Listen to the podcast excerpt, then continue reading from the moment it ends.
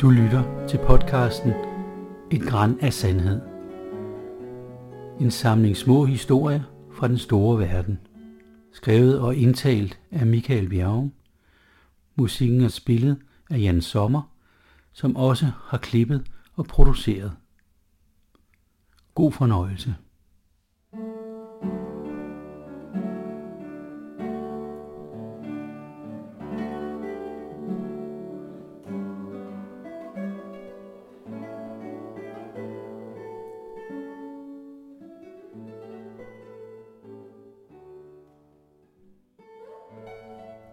Annas i Tripoli. Metallica drøner ud af højtalerne i den lille bil, som det meste af tiden holder stille i Tripolis lettere kaotiske trafik. Jeg sidder på passagersædet og kigger på chaufføren Annas, som hamrer hænderne i rattet i takt til Lars Ulriks trommer. Vinduerne i bilen er nedrullede, og vi får den sprøde forårssol i øjnene – mens lugtene fra bilos, ørkenstøv, skrald og billig aftershave blandes i noget, der virker velkendt, men på samme tid fremmed.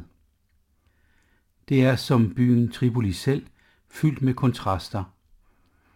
Moderne bygninger side om side med faldefærdige skure. Knækkede betonfliser på fortogene rundt om velplejede palmer.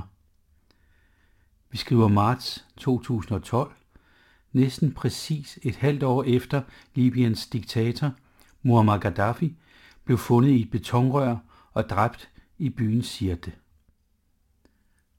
Rundt om i Tripoli ser man resultatet af NATO's bombardementer og af gadekampe, hvor dele af bygninger er styrtet sammen, og der er synlige skudhuller. Men det dominerer ikke bybilledet på samme måde som i kystbyen Misrata, 180 km øst for Tripoli, hvor det er som at køre ind i en krigszone. I Tripoli er skaderne begrænset til bestemte områder, og det meste af centrum ser forholdsvis uskadet ud. Alle vegne bemærker man graffitien, som dels består af slagord, dels er det sort-røde libyske flag, garneret med satiretegninger af Gaddafi. De fleste biler er japanske småbiler – men indimellem er der gamle, osende diesellastbiler, hvis oprindelse fortoner sig i fortidens rustne tåger. På gaderne er langt størstedelen mænd. De få kvinder, som ses, bærer alle tørklæder, løse overdele og stramme jeans, og de går alle i grupper eller to og to. Man ser ingen kvinder, som går alene. Annas er min chauffør og oversætter, eller hvad man i moderne managementsprog ville kalde en PA, Personal Assistant. Min mor ville have betegnet Annas som en pæn ung mand. Han er i slutningen af 20'erne med mørkt hår, som falder i bløde bølger rundt om hans markerede ansigt, indrammet af et par sorte briller. Mørkeblå chinos, en hvid skjorte, som kægt hænger uden for bukserne, og et par grå Nike sneakers signalerer moderne og afslappet livsstil. Vi er på vej til det store marked, Suk al-Mutalt, for at købe møbler.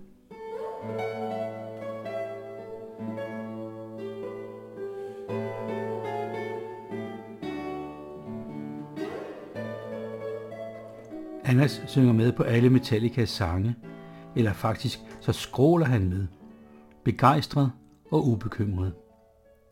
Han kan alle ordene, og har tydeligvis hørt det her hundredvis af gange før. Vi taler om heavy metal, og han synes, det er vildt interessant, at trommeslageren i bandet, Lars Ulrik, ligesom jeg, kommer fra Danmark. Annas fortæller, hvordan der gennem mange år har været en udveksling af piratsidéer blandt storbyens unge. Han mener, de smugles ind over grænsen fra Tunesien, og så kopieres i 10.000 vis. Han har selv en pæn samling CD'er med navne som ACDC, Megadeth, Motorhead og altså Metallica. Bow down, sell your soul to me, I will set you free, pacify your demons, skråler Annas med på nummeret The Judas Kiss. Lige før vi når markedet, kirke Annas på sit ur og siger, at vi lige er nødt til at gøre et ophold. Han kører gennem et par smågader og stopper foran en lille moské. Jeg skal lige bede, siger han, og jeg nikker bekræftende. Han slukker for motoren og musikken, stiger ud af bilen og slendrer hen til den lille moské, på samme måde som hvis han lige skulle ind i en kiosk og købe en pakke cigaretter. Jeg nyder den pludselige stillhed og tænker over forholdet mellem Annas' tydelige begejstring for heavy metal og hans helt naturlige religiøse liv. Annas er punktlig og passer sin bøn fem gange om dagen. En bøn, der næsten altid foregår i en moské, som vi kommer forbi på vores ture rundt i storbyen. Jeg filosoferer over, om hjemlige Jehovas vidner, som høfligt præsenterer sig iført tærlinbukser, hvide polyesterskjorter og med vagtårnet vågen op under armen, må også høre Metallica eller hård rock, om det i givet fald foregår i det skjulte eller, som med Annas, helt åbenlyst. Det er helt tydeligt, at Annas ikke ser noget mærkeligt i at hoppe direkte fra profane heavy metal tekster ind til bøn i en moské. Og måske er det lidt det samme, som er ved at foregå politisk i Libyen. Man har netop kastet en forhat diktator på porten og søger nu, ikke mod demokratiske institutioner, som vi kender dem, men mod fanatiske imamer, der også vil styre Libiernes liv ned til mindste detalje. Anna selv er fascineret af budskaber fra nogle fremtrædende imamer, som vi ville kalde for rabiate islamister. Efter omkring 15 minutter kommer Annas tilbage, smiler og sætter sig ind i bilen igen. Vi ankommer snart efter til markedet og spiser en hurtig burger, lavet med kamelkød, købt fra en lille bod ved indgangen. Den store gryde stuning, hvor kamelkødet langsomt koger i timevis, og duften bringer spyttet frem i munden. Og så står den på shopping på markedet. Annas og jeg har talt en del om familie, og han foreslår, at vi besøger hans bror, som ejer et kunstgalleri i Tripoli. Stedet hedder Art House og ligger på Tariq al-Seka. Mit kendskab til arabisk kunst er uendeligt begrænset, og jeg har som en hel del andre forestillinger om, at muslimer kun må afbilde bestemte ting, og i hvert fald ikke profeten. Jeg har en svag fornemmelse af, at jeg har set noget islamisk kunst, som mestendels bestod af geometriske figurer. Så jeg er spændt på at opleve kunst i en for mig ukendt sammenhæng. Huset udefra er lidt anonymt, ligger på den brede gade og har et enkelt skilt udenfor på arabisk. Vi parkerer den lille bil og går ind. Adel hedder Anders' bror, og han kommer os i møde i en lille forhal, smilende, gestikulerende og afslappet. Han fører os ind i et stort rum, hvor der i et hjørne er to store sofaer. Her sidder en mørkhåret, smuk kvinde uden tørklæde. Det er første gang, jeg ser en libysk kvindes hår, og jeg smiler imødekommende, men afventer, om vi skal give hånd. Kvinden lægger begge sine hænder mod sit bryst og siger, Wassalam alaikum. Jeg gør samme bevægelse og svarer, Walaikum wassalam. Kvinden, som er iklædt en broderet bluse og sorte bukser, hedder Salma. Vi sætter os i sofaerne, som er fyldt med farvestrålende puder, og bliver budt på te af Adel, som selv går i det lille køkken og rasler med små kopper og en tekande.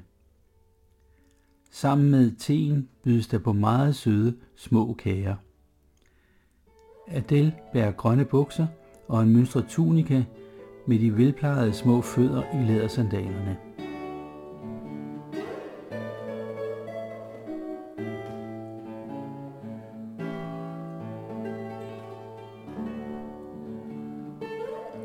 Overalt er der kunst.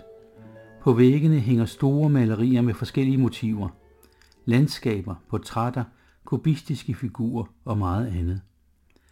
På små borde rundt omkring ligger postkort, og i stativ står en masse plakater. En særlig afdeling viser politisk kunst fra borgerkrigen og månederne efter Gaddafis fald. Kæmpende lokale militser, graffiti med slogans og karikaturtegninger af Gaddafi selv. Adele sidder ved siden af mig, og hver gang han taler, lægger han blidt sin hånd på min overarm, som for at understrege sine pointer. Jeg spørger, om galleriet også eksisterede under Gaddafi, og Adele smiler, lægger sin hånd på min albue og fortæller, at stedet har eksisteret i mere end 20 år som Tripolis førende kunsthus.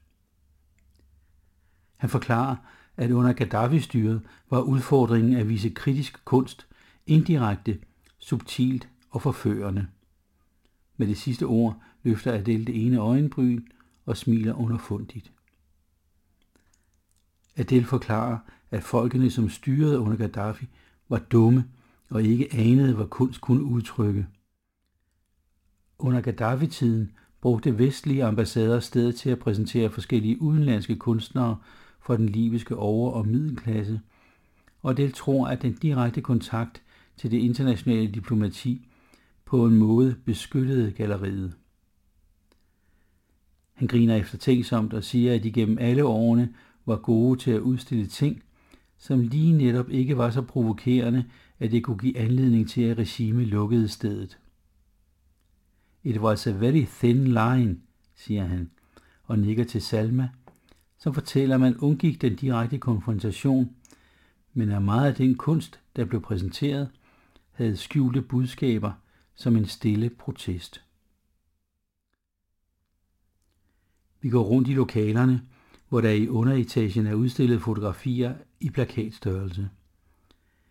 Jeg betages af nogle billeder fra en ørkenby, som virker abstrakte i deres udtryk med skarpt beskårne vindues- og dørpartier.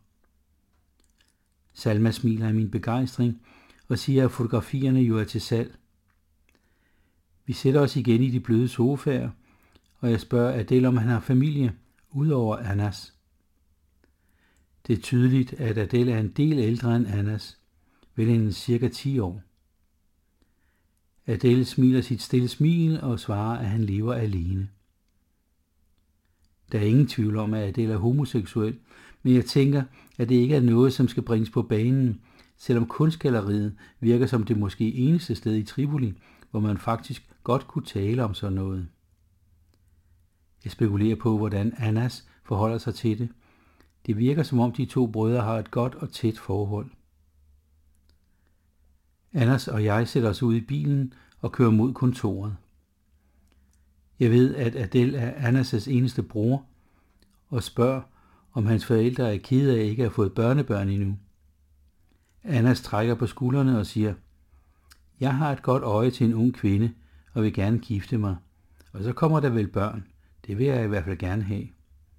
Og han fortsætter. Jeg tror aldrig, at Del får børn. Han er ikke lige typen på det. Jeg kan mærke, at der ikke er nogen grund til at spørge nærmere ind til det, og vi fortsætter ud i Tripolis tætte trafik.